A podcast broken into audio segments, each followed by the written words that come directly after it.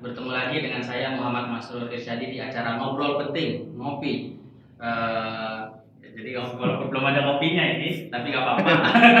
Sejak lama sudah ada, kok nggak ada kopinya, tapi nggak apa-apa. Karena setelah ini nanti kan direkam apa yang disajikan bisa ditonton itu yang eh, rekaman suaranya. Jadi eh, orang nggak perlu tahu ada kopinya apa enggak Nah, eh, sekarang bintang tamu kita adalah eh, Bapak Mahbub Hifzil Akbar, MA. Saya, nah kan guru saya juga, saya memanggilnya Ustaz Mahbub. Apa kabar Ustaz? Assalamualaikum. Alhamdulillah. Hmm.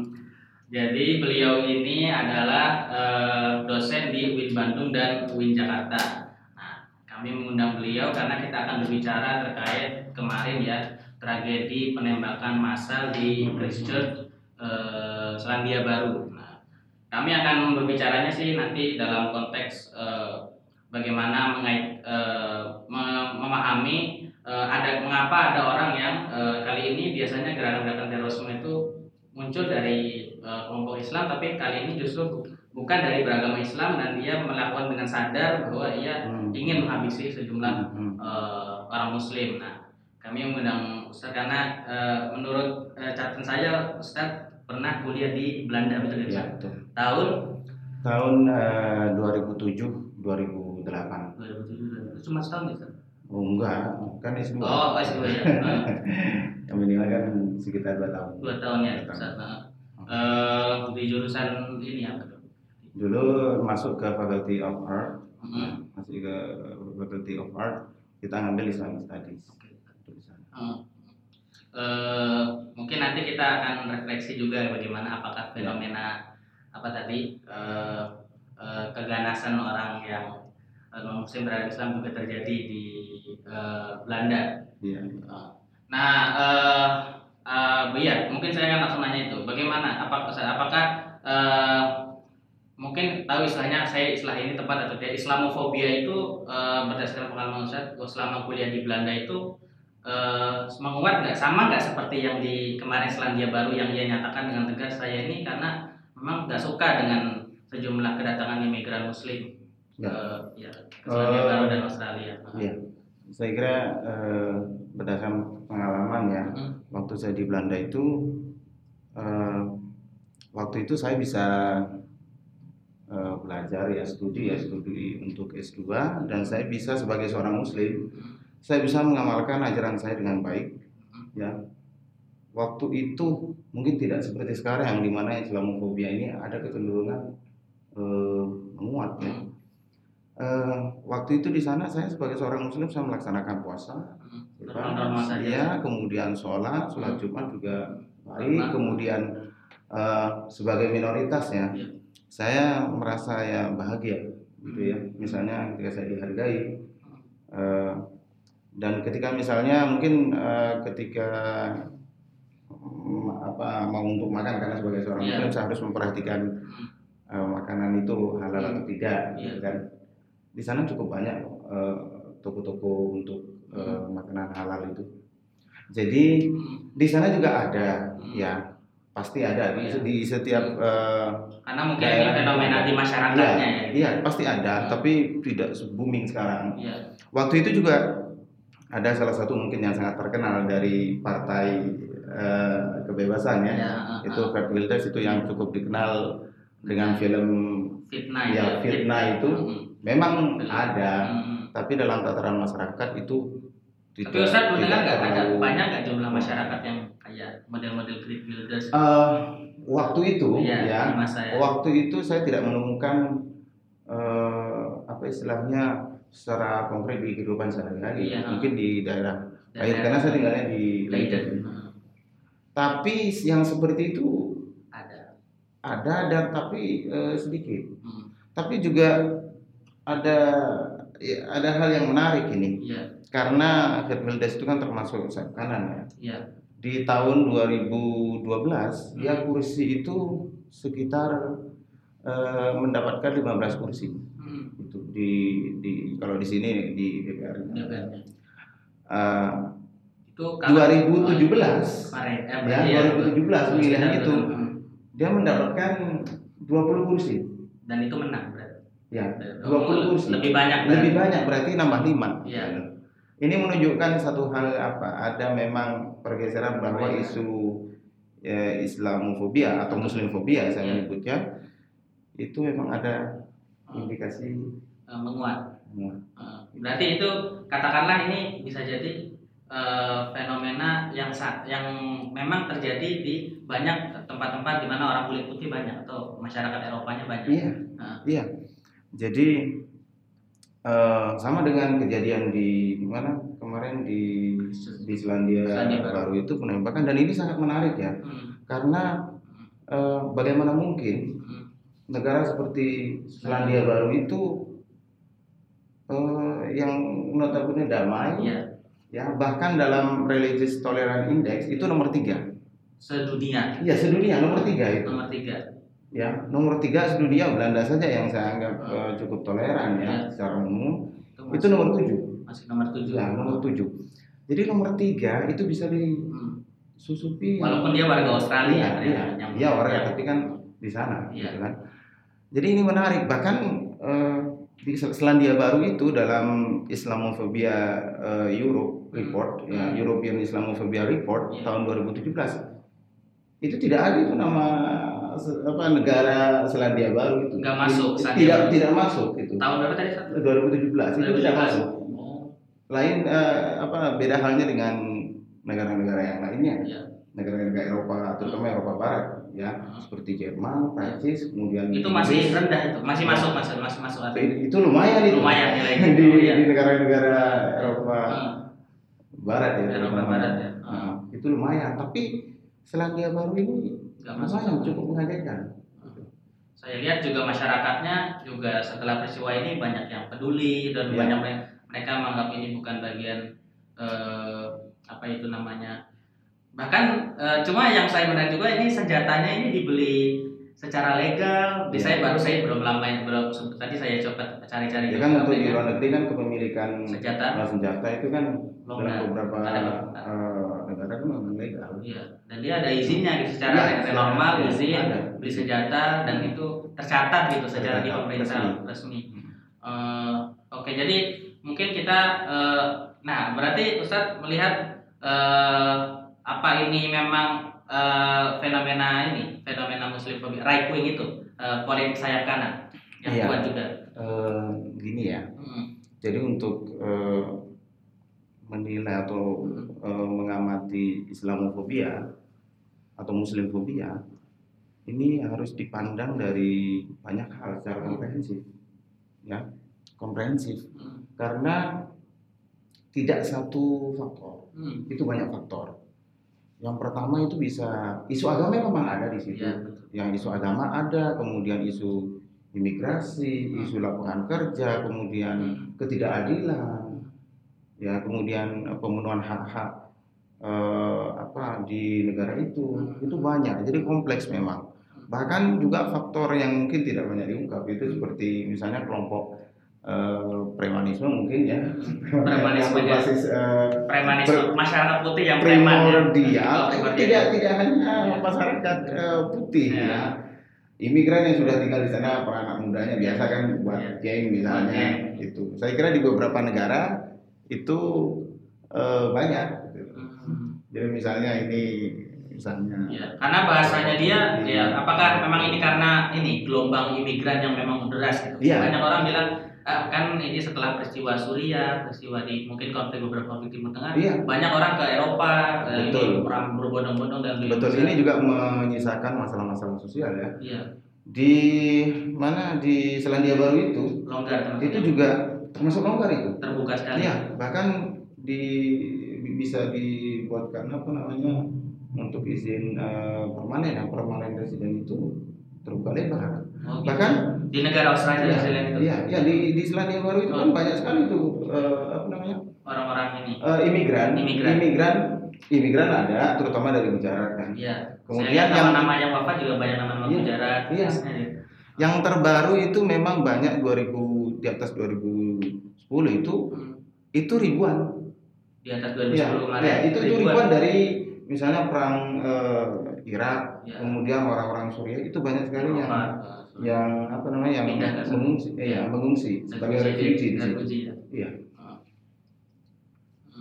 Eh, eh, kemudian nah berarti eh, tadi kan Ustaz juga bilang ada kayak eh, ada tren ini ya ada mus ada menyisakan masalah-masalah sosial gitu ya. Hmm. Nah kemudian eh, pengamatan Ustadz apakah mulai ini mulai ada kecenderungan pemerintahan secara umum ya secara politik masyarakat eh, Eropanya atau masyarakat kulit putih dalam hal ini masyarakat Barat mulai menimbul ini terganggu dan ini mendorong ada asal-asalnya kayak kita Iya. pemerintahnya mungkin enggak tapi ada dorongan dari bawah kultural gitu ini ayo ini ada konflik sosial ada enggak kayak gitu Ustaz? Iya, jelas ini kan permainan, permainan eh, politik ya. Iya. Makanya eh, indikasi eh, menguatnya kalau ditanyakan misalnya apakah sekarang itu indikasi Islamofobia itu itu menguat atau tidak? Itu bisa di bisa ditilik ya. Maksudnya eh, bisa dilihat dari beberapa eh, faktor. Misalnya pertama memang konflik sosial yang ada ya, gara-gara imigran itu kemudian saya tidak menyalahkan. Tidak. Bukan bukan. Ini ini fenomena Ya. eh, Fenomena global. ya glo- global gitu. Tidak masalah tapi menyisakan konflik sosial ketika tidak diatur dengan baik di negara yang bersangkutan Hmm. kemudian eh, apa dua dua hal lagi yaitu pertama dan ini cukup penting ya Hmm. itu eh, kelompok-kelompok ekstremis seperti white eh, supremacists itu kelompok yang eh, menganggap bahwa mereka itu ya apa Lebih namanya hebat. ya lebih hebat Lebih gitu. hebat, kelompok putih iya. itu lebih hebat ya gitu dan ini ada memang kelompok-kelompok yang sangat ekstrim ya bahkan itu bukan hanya dalam dan itu rata mereka. di negara-negara Eropa ada Iya. ada Ada. nggak banyak ada semua jangankan eh, di di Eropa ya di Amerika juga ada Hmm. yang neo-Nazis Yang itu ada iya. grup-grup seperti itu dan ini mereka ini adalah memang ekstremis Iya. ya Eh, ini tidak segan-segan untuk melakukan juga eh, kekerasan Hmm. Jadi sebenarnya yang membuat Islamofobia itu sekarang itu lumayan cukup meningkat ya saya kira ya. Karena ada kejadian-kejadian yang memang mendorong ke arah situ. Pertama itu tadi adanya memang grup eh, ekstremis eh, white supremacist itu dan juga ada memang seperti kejadian yang dari luar misalnya eh, ekstremis seperti Al-Qaeda kemudian eh, ISIS, ISIS. Daesh itu Nah, mereka sudah berhasil Iya. itu melakukan penetrasi ke apa ke negara-negara Eropa bahkan di negara-negara itu ada Iya. yang seperti itu Iya, ada. Jadi beberapa kasus pengembangan misalnya seperti di Manchester Arena, kemudian juga di Paris gitu. Mereka juga sudah berhasil merekrut itu kombatan-kombatan Hmm. itu lokal, Lokal. orang asli sana. orang kulit putihnya Iya, juga Orang kulit putih juga, Hmm. juga ada apa namanya sebagian yang memang Sebagian imigrannya ini, warga Iya, warga keturunan. Tapi sudah apa namanya? eh, eh, jadi ada kesan ini ya ada kesan balas dendam gitu ya sejenis fenomena Iya, Ah. jadi ini ini mungkin oh karena isu ini, gara-gara kamu nih orang-orang muslim ini nih banyak yang mulai selalu saling membalas. Iya. Sebenarnya memang eh, apa namanya dua ekstremis ini sebenarnya kalau dalam tanda kutip ya Iya. itu bianggerolnya sebenarnya. gara-gara Iya. perpecahan ini Karena kita lihat misalnya ketika Charlie Hebdo misalnya Hmm. itu selalu membuat eh, kontroversi dan Iya. menyakiti hati umat Islam. Iya. Setelah itu kan ada apa, eh, apa istilahnya balasan ya, balasan kan. Balasan. Terus seperti itu. terus aja Terus seperti itu. Juga di mana di Manchester Arena itu setelah itu Hmm. itu sekitar 100 lebih itu kasus eh, Islamophobia attack. Iya. Itu banyak sekali dilaporkan. Ini sebenarnya yang harus apa namanya ada harus ada dialog. ada dialog Ya, harus ada dialog antara apa namanya eh, dua dua pihak ini. Ya. Bukan hanya dua ekstremis ini, ya. Maksud saya bridging the gap. Jadi menjembatani gap dalam artian begini, karena Islamofobia itu sebenarnya kegagalan eh, masyarakat sebenarnya dalam mendefinisikan atau meng- eh, menghubungkan antara eh, membedakan antara Islam dan eh, terorisme. Islam bukan teroris. Dan terorisme Ya. bukan. Tapi ada yang menarik bahwa dalam suatu eh, eh, survei hasil survei itu 30% Hmm. itu masyarakat eh, Eropa itu plus Amerika ya Pew Research Center itu mengatakan bahwa mereka percaya bahwa memiliki paling tidak memiliki persepsi ya Hmm. memiliki persepsi bahwa orang Muslim itu Hmm. mendukung kekerasan Hmm. atau mendukung Langsung seperti Persepsi mereka. Ya. dan yang paling tinggi adalah 60% di Spanyol. Hmm. Ya. Jadi sebenarnya mes- meskipun ya eh, saya pribadi sebenarnya istilah Islamofobia ini kan sebenarnya kan juga ada peranan eh, Ini permainan ya media-media mainstream, Media kemudian jualan pol- eh, ya para politisi untuk melihat masa kaum kaum populis Hmm. gitu. Dan juga kalau saya sih lebih tepat mengatakan dalam eh, ini sebenarnya Muslim fobia daripada Islam fobia karena fobia itu kan eh, illogical apa hatred Hmm. kebencian yang tidak logis of, is- apa of Islam terhadap Islam itu kan eh, is- ni- Islam sebagai sebuah ajaran nilai-nilai agama sedangkan Muslim Muslim adalah orangnya sebagai makhluk sosial Hmm. yang eh, berinteraksi dengan masyarakat Eropa lainnya dengan berbagai macam eh, latar belakang Ya. yang berbeda Hmm. jadi lebih adil itu sebenarnya Muslim fobia atau atau yang lebih adil sekali dalam banyak literatur itu menggunakan anti Muslim. anti muslim Anti Muslim sama dengan Ya. misalnya anti Yahudi Mere- mereka mengatakan itu adalah anti Semit, Oh, anti Semitism kan. Hmm. Anti Semitism tidak mengatakan Jews eh, fobia ataupun. Kristen fobia. Hmm. Jadi ini juga saya kira eh, apa namanya menyumbangkan apa poin Berarti ada ini ya, mulai apa namanya eh, kecenderungan untuk eh, menyatakan misalnya tadi eh, orang mereka setuju- orang-orang masyarakat ada masyarakat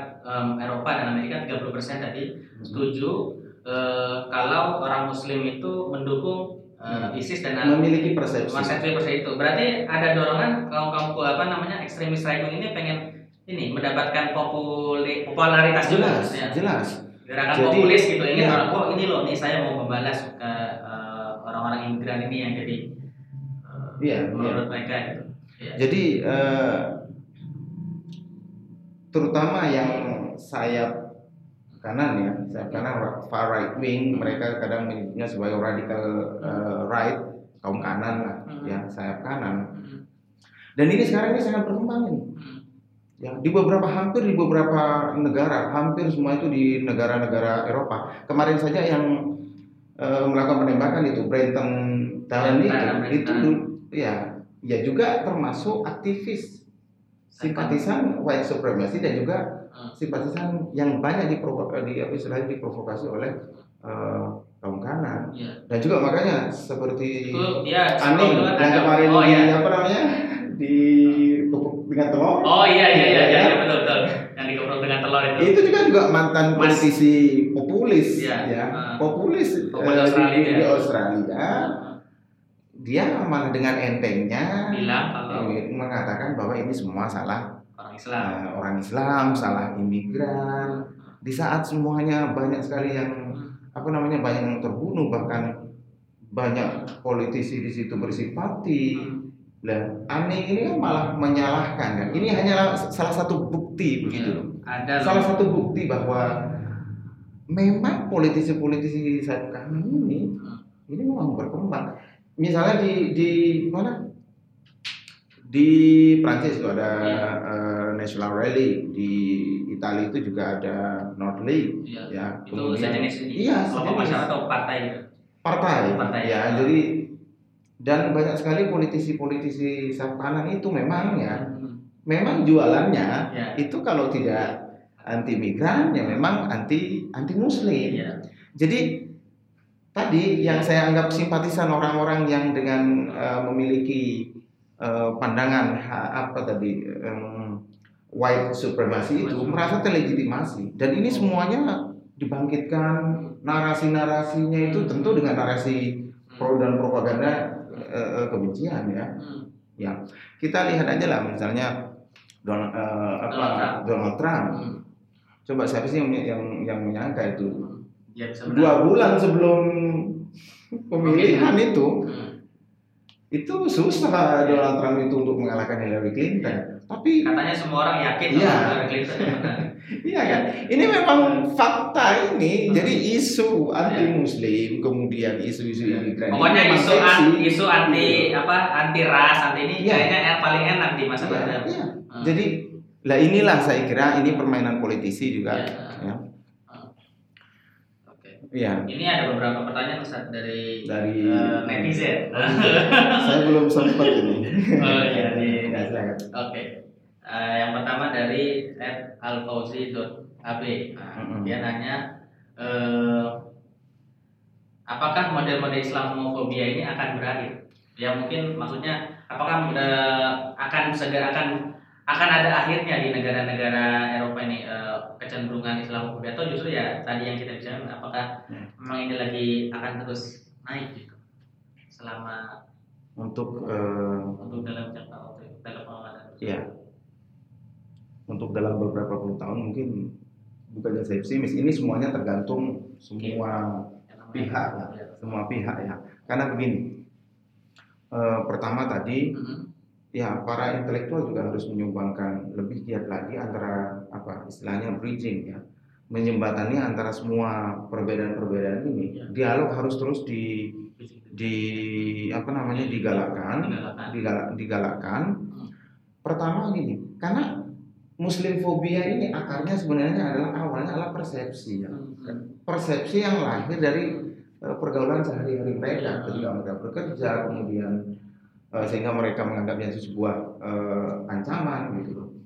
Jadi eh, tergantung itu Mhm. ya tergantung apa namanya dialog kemudian pemerintah eh, di Eropa itu juga harus tegas ya. Selama ini kan Islamofobia atau Muslimfobia itu menjadi kategori terpisah dari rasisme. Oh gitu. Jadi tra- addressingnya itu perhatiannya terhadap antisemit antisemit itu mereka lebih perhatian di situ. Hmm. Padahal dengan adanya Muslimfobia ini, dibandingkan Islamofobia ini. iya betul, Eh, lebih ah, intinya apa? Eh, merugikan semuanya, Iya. bukan hanya Muslim, tapi juga masyarakat masyarakat Eropa itu juga merasa dirugikan karena keamanan kan.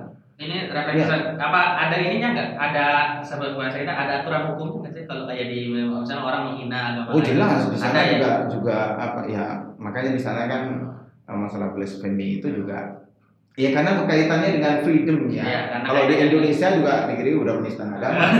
di sana Iya. eh, entar dulu Ntar gitu dulu. kan.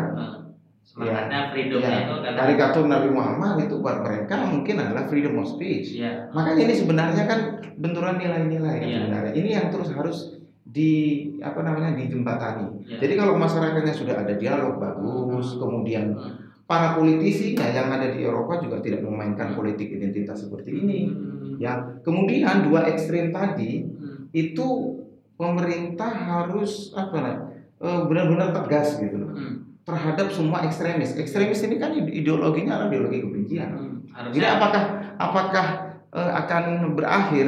Hmm. Saya kira itu tergantung tiga tadi masyarakatnya, terutama intelektual dan juga masyarakat grassroots, kemudian dua para politisinya, Hmm. ya kemudian ketiga adalah dua ekstremis itu tadi harus apa namanya penegakan hukumnya harus keras. Iya. Dan saya kira seperti di Selandia Baru, saya kira sudah mereka sangat Sudah sangat sangat concern concern. banget, ya, concern banget. Hmm. Ada juga yang nanya bagaimana sih merubah persepsi Islam keras padahal Islam Cina damai. Ya, tadi ya kita bilang tadi ini berangkat dari persepsi mereka. Ya. Nah, tapi padahal kita ber- ber- saya kira di setiap peristiwa-peristiwa eh, konflik eh, apa namanya mus- minor- mayoritas minoritas itu biasanya kalau dalam konteks orang Islam mereka akan selalu bilang kita ini eh, ke terorisme itu bukan bagian dari dan kita. Nah, tapi ini kemarin masih ada muncul-muncul eh, Ya. opini berulang lagi, muncul lagi, Hmm. berulang lagi, muncul lagi. Kalau menurut saya ya, Hmm. secara eh, juga pengalaman pribadi, Mm-mm. ya itu binafsik. Iya. Jadi kita Mulai mulai dari diri sendiri. Ada pengalaman yang, yang, yang cukup menarik Eh, ketika saya tinggal di sana. Eh, saya memiliki seorang teman, Iya. dia bilang begini, dan saya cukup kaget ya. Iya. Dia mengatakan, Mabuk, eh, kamu Muslim, ka- kamu orang kok baik? Iya. Lah, kamu Muslim tapi kok kamu baik? Lah, saya saya terkejut sekali. Hmm. Baik. memangnya bagaimana Ya. gitu ya Hmm. eh bukan berarti saya ini Iya, ya iya, bukan berarti, berarti iya. saya orang, baik bisa Iya, enggak paling tidak saya misalnya saya di sana eh, saya sholat Iya. biasa dan Jadi saya dia curiga baik. gitu kalau melihat Ya. orang Islam baik Iya. curiga dia. bukan curiga paling tidak mungkin salut ya Iya. karena saya membantu saya juga eh, toleran dengan dia Iya. ya misalnya juga hal-hal yang mungkin dilarang dalam agama saya ya saya tidak melakukan tapi Iya. saya juga tidak eh, misalnya sosokan untuk eh, menegur dia Iya. ya saya kira itu Hmm. Eh, hmm. Lagi. dan juga begini Ah, hmm, ada yang setiap orang itu kan sesuai dengan bersikap itu kan sesuai dengan pengalamannya Iya. saya beberapa kali tersentuh begini Eh, kadang kita belanja ke swalayan gitu ya Iya. itu kadang kasir atau pegawai eh, petugas apa eh, karyawan eh, toko itu dengan senang hati membantu kita itu untuk misalnya kita kita bertanya misalnya ini apakah ini ada unsur apa mungkin eh, bukti Ya. gitu, yang mungkin eh, apa yang, yang dalam agama Ya, kita saya bilang saya kita Dilarang. saya muslim ini kan. Iya, jadi mereka kadang tanpa misalnya kita minta mereka ada kan anu misalnya ada oh ini jangan gitu. Iya. Hmm. Jadi mereka eh, cukup menghormati. Iya. Itu yang saya Eh, apa namanya ya tersentuh dan dan ini apa namanya eh, ada pengalaman juga ya Iya. ketika misalnya saya pergi ke rumah eh, seseorang yang dia Iya. non muslim Iya. dan dia bule lah ya Iya.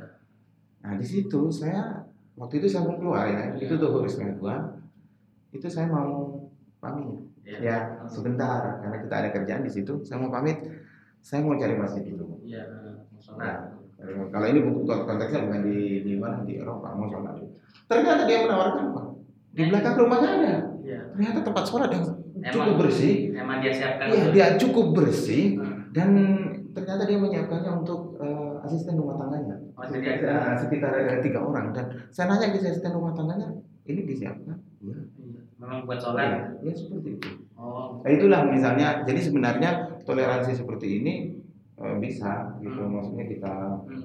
eh, galakkan Hmm. Artinya di apa namanya di budaya masyarakatnya yang kosa itu juga sebenarnya masih lebih tinggi dibandingkan jauh lebih tinggi dibandingkan Ya, yang betul, saya betul, kanan ini. betul, betul. Nah, Tapi juga jangan diremehkan Iya. karena kalau misalnya semua ini apa eh, pemerintah masyarakatnya tidak mengantisipasi, hmm. ini akan menguat karena indikasi ke arah itu sudah. Hmm. Ya. Hmm. Ini kan sekarang kan di beberapa negara tidak hanya apa istilahnya tidak ada di negara tertentu, Hmm. hampir di, di, di, di banyak negara Eropa ini sekarang politik identitas ini sekarang sudah Eh, kuat. ya lumayan menguat. Eh, mungkin refleksinya eh, kalau menurut Ustaz hal-hal ini terjadi nggak sih? Kayak di negara-negara Muslim kayak Indonesia tuh apa maksudnya model begini tuh sama nggak Ustaz? Saya gitu. Kalau harus nyebut ini ya. Ya, Ya. Jadi model-model politiknya sendiri eh, apakah terjadi juga di negara Ya kita lihat kan sekarang misalnya banyak eh, mungkin ya narasi-narasi kebencian ya pada misalnya di luar agama Islam ataupun kepada etnis-etnis tertentu di barat juga seperti itu Hmm. ya Hmm. dan rata-rata ini polanya sama Hmm. polanya sama ya kau populis politisi politisi ya populis tapi eh, tidak mungkin ya Hmm. Jangan kita katakan belum ya Hmm. tapi kalau di sini eh, kita kan tidak sampai misalnya Melakukan. melakukan Kata apalagi senjata di sini juga dilarang tidak. ya kekerasan mungkin ada eh, sebab-sebab kekerasan gitu ya tapi justru inilah Hmm. yang harus kita benar-benar jaga Hmm. agar apa yang terjadi di di Eropa yang sudah menguat itu Hmm. indikasi di terus di, di Indonesia ini sudah indikasinya ju- juga sudah menguat sebenarnya. Agak, mi- agak ini mirip.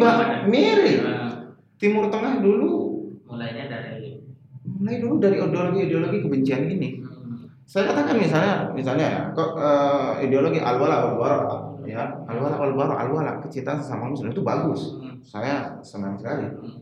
Al-bara itu berlepas diri. Jadi menjauhi setiap hal-hal yang berbau misalnya kafir yang berbau non muslim semuanya. Tapi ini sebenarnya dalam konteks keyakinan tidak masalah, tapi kadang kebablasan Hmm. kebablasan sampai melakukan kekerasan. Ini sama.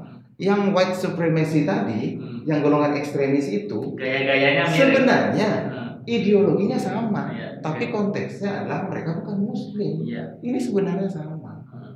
Dua ekstremis ini sama sebenarnya. Artinya enggak. Iya. Kita geser orang-orang non Iya sama non jika kita. jika jika kita lihat semakin dalam itu ideologinya sama sebenarnya ideologi kebencian ide- ideologi tidak mau menerima Hmm. eh, yang berbeda dan tunggal gitu loh.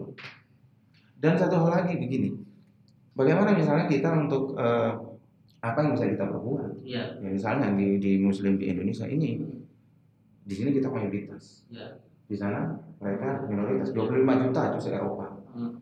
Apa yang bisa kita lakukan? Dengan cara kita hormat, misalnya menghormati Hmm. misalnya eh, yang yang berbeda dengan kita, Hmm. misalnya secara tidak langsung itu bisa mengikis muslimfobia yang ada di belahan dunia lain. Karena eh, orang-orang sana juga membaca apa yang terjadi di luar, apa yang terjadi di Timur Tengah, apa yang terjadi di di mana di di Indonesia juga. Jadi Cara- jika anda kasihan dengan eh, misalnya minoritas yang di sana, Iya.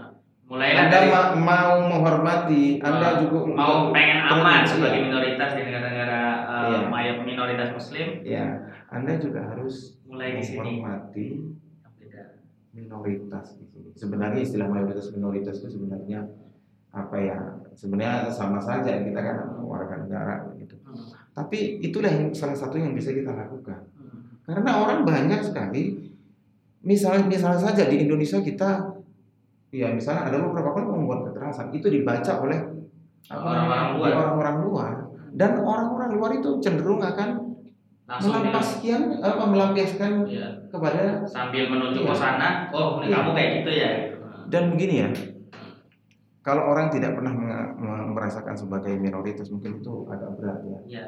saya merasakan saya pernah merasa sebagai minoritas ketika dihargai saya merasa bahagia Iya. Saya dihargai. tapi ketika saya tidak dihargai ataupun saya merasa terus terus menerus dicurigai itu eh, lumayan sakit hati Iya, berat itu. berat dan ideologi-ideologi seperti ini ya apa namanya yang sampai melakukan eh, kekerasan itu lahir ya dari awalnya ya dari ideologi kebencian itu. Sama persis dengan di mana? Di di negara-negara di negara-negara barat. Jadi negara barat juga begini. Ini sebenarnya lucu ya. Iya, war on terror. Iya. Mereka war on terror Iya. namanya. iya. Hmm, mereka berapa triliun Iya. billion dollars gitu Iya, ya. untuk mereka apa Iya. uh, uang untuk terorisme. Hmm, di dalam diri mereka ternyata juga ada. Ada dan itu juga tidak hanya merugikan kaum muslim saja tapi juga merugikan rakyat sendiri. rakyat sendiri. Dan muslim itu juga rakyat rakyatnya sendiri. Jadi mungkin referensi Nah, tadi saya kayak ngeliat, harus adil. eh, jadi makanya saya bilang tadi harus adil kepada dua tipe ekstremis ini. Iya. ini kan selalu berbalas. Hmm. harus adil dan ya harus adil dan sama-sama harus sama-sama seimbang melihatnya gitu ya. harus sama-sama tegas ya ketika mereka misalnya hal di sana antisemit misalnya ada tiba-tiba eh, apa namanya eh, begitu concern ya terhadap misalnya antisemit ya muslim fobia juga harus Harusnya sama, Harusnya harus sama. sama beratnya. Harusnya sama. Hmm, gitu ya. harusnya sama dan beberapa negara juga sudah melakukan langkah-langkah ke situ gitu loh Hmm. cuma harus makin di makin di Diperkuat. ya jadi diperkuat Eh, coba saya lihat ada beberapa pertanyaan ini. Wah. Eh, ben- eh, mana nih kok kurang kelihatan? Iya, karena eh, nah ini juga mungkin eh, ap- kenapa masih eh, apakah ini juga ada faktor dakwah yang keras padahal dakwah Nabi itu eh, eh, damai. Apa faktor eh, apa faktor munculnya? Iya, jadi ya intinya mungkin tadi ya eh, ada Iya. orang di sini eh, Hmm. yang apa namanya mungkin eh, kencang untuk apa namanya mencurigai minoritas berulang-ulang dengan dakwah yang keras itu. sebenarnya Hmm, ini sekarang kan gerak apa teror ini kan sudah mengglobal kan Iya. suka eh, kita kita lihat kasus yang kemarin yang kita sangat tercengang di Selandia Baru yang aman damai Hmm. seperti itu Hmm, kita lihat di sana itu kan Hmm. Ya Sunni meskipun eh, penduduknya di Selandia Baru sekitar satu persen ya sekitar 48 ribu. Mas masyarakat iya eh, masyarakat muslimnya Tapi hampir mayoritas Sunni semua. iya iya hampir mayoritas Sunni juga ada sedikit Ahmadiyah kemudian eh, Syiah ya. Ada rata-rata Sunni Hmm. ya dan juga di sana sayap kanan juga tidak begitu kuat. Hmm. ya tapi kenapa mun- muncul seorang Brenton Taran Iya, ini? Lah inilah peran Hmm. apa namanya online. Ya, media daring media dari. ya karena dicatat bahwa eh, Brenton Tarrant itu juga Hmm. dia mengikuti grup-grup ekstremis Ya. sayap kanan apa, eh, eh, apa namanya eh, Baik. white supremacist itu Saya dia eh, grup-grup sebelum peta ini ada kayak mengutip apa buku apa ya? Eh, replacement grade apa jadi sejenis ya replace seje- ya, maksudnya eh, ya- yang Ya, yang sejenis ya. replace itu ya ya sejenis dan ini begini sejenis kamp, eh, propagandanya gitu loh Iya. ya propaganda ideologisnya oh orang Islam orang ini harus membersihkan dari tanah kita gitu Iya, orang-orang ini. dan ideologi seperti ini sebenarnya bukan hanya muslim Iya, orang Iya. Di beberapa yang kalangan ekstremis ini yang eh, apa white supremacist Hmm.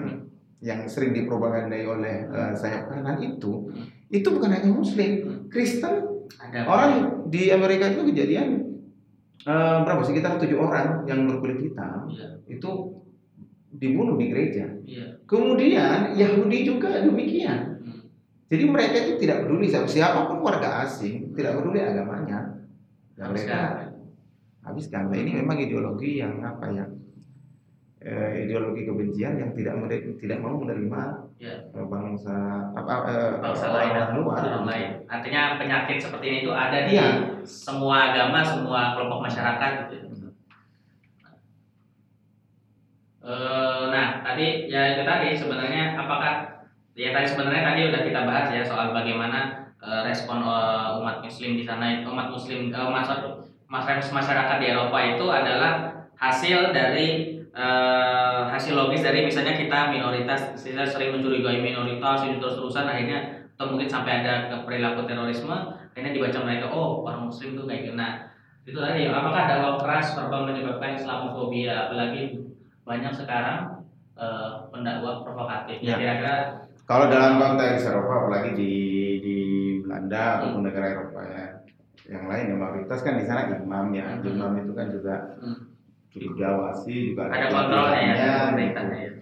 Soal ini eh, apa dakwah-dakwah yang keras ini saya lebih khawatir Iya. di negara kita sendiri sebenarnya. bukan di negara sana ya Bukan di negara sana sebenarnya. Eh, Iya seperti itu. jadi itu juga malah sebenarnya bukan PR orang mereka tapi PR keluarga sendiri PR Ya, kita. betul, betul seperti itu. Hmm.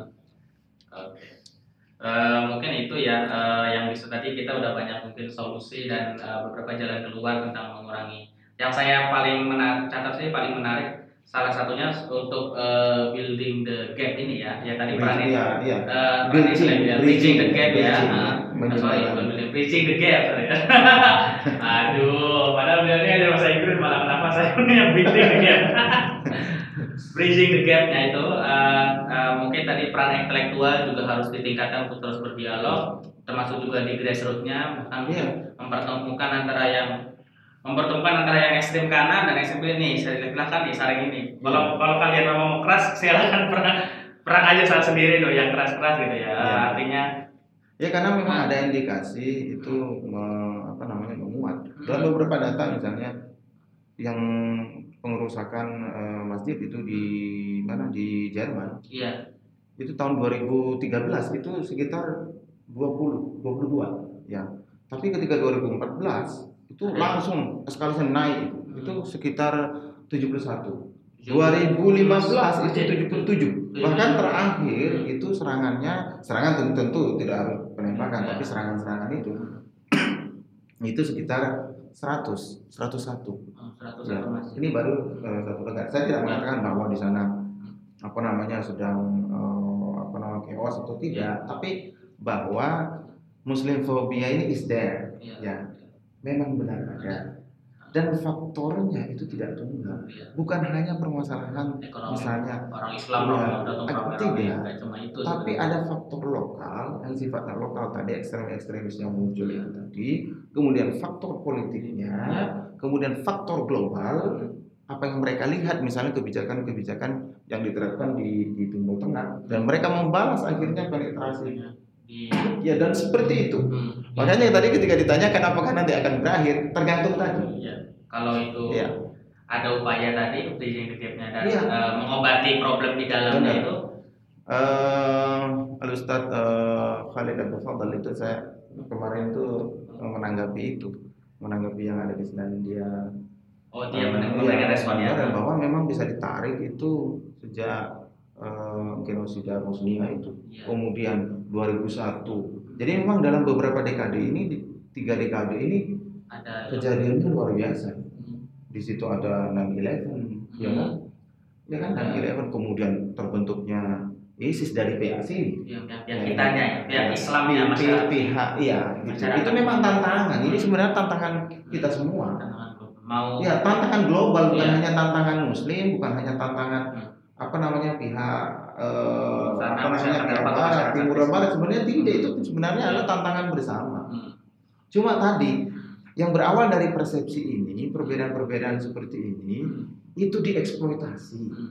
oleh banyak media mainstream dan politisi ini sebenarnya yang jadi bahan istilahnya jadi yang bahan. memperparah sebenarnya Iya. Di mana Iya. di memang konflik itu ya ada memang Iya, konflik itu ada. seperti itu ada cuma ketika di iya kembangkan Beda. diomongin terus, beda ya, bumbunya banyak bumbunya banyak bumbunya banyak dan saya karena juga di yang eh, apa namanya yang neonazis itu Hmm. yang di eh, neonazis group itu juga kan white supremacist ya. Hmm. jadi merasa lebih baik memerdekakan yang lain tidak dan ini oleh politisi-politisi itu sebagai isu seksi seperti biasa menebar fear Iya. apa ketakutan. Hmm. dan mereka cukup sukses itu cukup sukses meraih apa namanya ya pada, pada- orang itu kan kadang feeling threatened ya Ya, feeling apa? kalau sudah merasa terancam Ya, itu ya. kan paling ini. sudah tidak logis Iya. ya. hmm. Kalau- sama juga Hmm. Di Amerika ya juga begitu Iya. di Eropa ya juga begitu Hmm. dan mungkin bisa jadi di, Di kalangan kita sendiri orang. Islamnya. ya makanya harus dialog dengan seluruh eh, pihak ya. Ini ini sebenarnya tantangan bukan hanya masalah urusannya orang muslim ataupun non muslim bukan barat ataupun timur bukan sebenarnya ini sama Iya. Iya, karena memang apa namanya eh, di beberapa negara itu tadi salah satunya adalah politik identitas itu. Di satu sisi mungkin ada sisi baiknya, tapi kan kadang sering kali propaganda ini melebihi dosis. Ya, ini dipahami oleh orang-orang awam seperti Brenton Taran itu hingga dia coba lihat dia tanpa menyesal, Iya, atau terus. tanpa penyesalan, tanpa penyesalan. Karena apa? Tiap hari propaganda, Ya. propaganda. Kita lihat misalnya pelaku-pelaku penembakan, lihat Pelaku terorisme itu jarang itu yang yang menyesal. Ya, jarang yang menangis atau Karena Hmm. ideologinya itu sudah masuk betul-betul. Hmm. Bahkan mungkin mereka mati juga tidak masalah. Tidak Dan ini sangat bahaya gitu. Hmm. Bukan hanya model- model-model begini ini sangat bahaya sekali. ya. bukan hanya memecahkan kepala orang. Jika dia harus memecahkan kepalanya sendiri, dia akan lakukan. Makanya tadi eh, istilahnya al ideologi al itu dia eh, kebablasan dan sehingga ini semuanya ada membenci ya. dan hampir sama dengan yang terjadi eh, apa pada ekstremis ekstremis eh, ekstremis di, di barat Iya, mau yang Islam, mau yang enggak, ini adalah bagian yang yang barok. sama sebenarnya Hmm. itu ideologinya ya ideologi kebencian Itu kebencian. Oke. Ya oke Ustaz, terima kasih sudah Ya. bersedia ngobrol datang ke acara kopi ya ngobrol lagi Meski tahu tidak ya ada, tidak ada kopinya. Bawa ada kopinya. Tapi ya itu ya saya mungkin lebih tepatnya intinya solusi dari ini semua secara sederhana adalah mari ngopi gitu. Mari ngopi ngobrol bareng. ngopi. Ngopi bareng-bareng. Artinya apa? Dialog. Dialog dialog menahan diri. menahan diri. Ya menahan diri dialog. Bagaimana misalnya kita merawat eh, perbedaan itu dan yang seperti ini harus terus kita Eh, kontak terus makanya kita bincang syariah ini luar biasa ya Ya, saya sedikit promosi. Ya. ya, konten-kontennya berkualitas. Iya. Saya lihat tuh websitenya itu. Iya. Ya, saya sering baca juga. Ya. Ya, saya ya alhamdulillah bisa ini terus bisa ya doakan buat dia istiqomah terus untuk ini Amin. buat konten-konten seperti ini. Oke Ustaz terima kasih sekali lagi sudah datang ke acara eh, ngobrol penting dan eh, semoga para penonton mungkin tadi ada yang belum terjawab ya mudah-mudahan nanti bisa didengarkan tadi mungkin bisa dapat inspirasi-inspirasi terkait dengan problematika muslim fobia atau anti Islam di Barat ini. Eh, Oke dan sampai bertemu di lain waktu dengan tema-tema menarik eh, lainnya dan bagi teman-teman yang ketinggalan eh, nonton ini seperti biasa kalau nanti mau dengar eh, mau nonton lagi bisa dibuka di fanpage Facebook Bincang Syariah atau di fanpage eh, di sorry di grup di Instagram Instagram Bincang Syariah. Nah bagi teman-teman yang mungkin mau mendengarnya lebih santai sambil kerja mungkin atau sambil tidur nanti akan ada versi di Spotify versi podcastnya ngobrol-ngobrol kita soal Islam fobia ini dengan uh, Ustadz Mahfud Rizal Akbar. Oke, terima kasih. Oh iya, dan ada quote-nya ini. Nah, ini tuntutan ininya juga produser itu Ustadz juga. Harus ada quote-nya. Quote-nya ini saya coba kutip. Saya mungkin baca satu aja kali yang ini eh, yang dari Obama. In the face of hate and fire, uh, violence, we will love. Koreksi ya. Nanti kalau keliru ya. We will love uh, one another. We will not give in to fear. Ya kira-kira artinya adalah ketika uh, uh, kita dihadapi oleh kebencian dan uh, kebencian dan uh, mungkin kekerasan, uh, kita harus uh, terus mencintai satu sama lain dan kita tim- justru tidak akan memberikan uh, rasa takut. Justru Bu, kita tidak membalasnya dengan rasa takut, tapi kita terus uh, membalasnya dengan uh, perasaan cinta Ya, atau jadi- kasih sayang. Ya, intinya ketika ada kekerasan dan benci, Oke, ini maka tafsirnya yang harus benar. dilakukan adalah kita harus saling mencintai. Betul.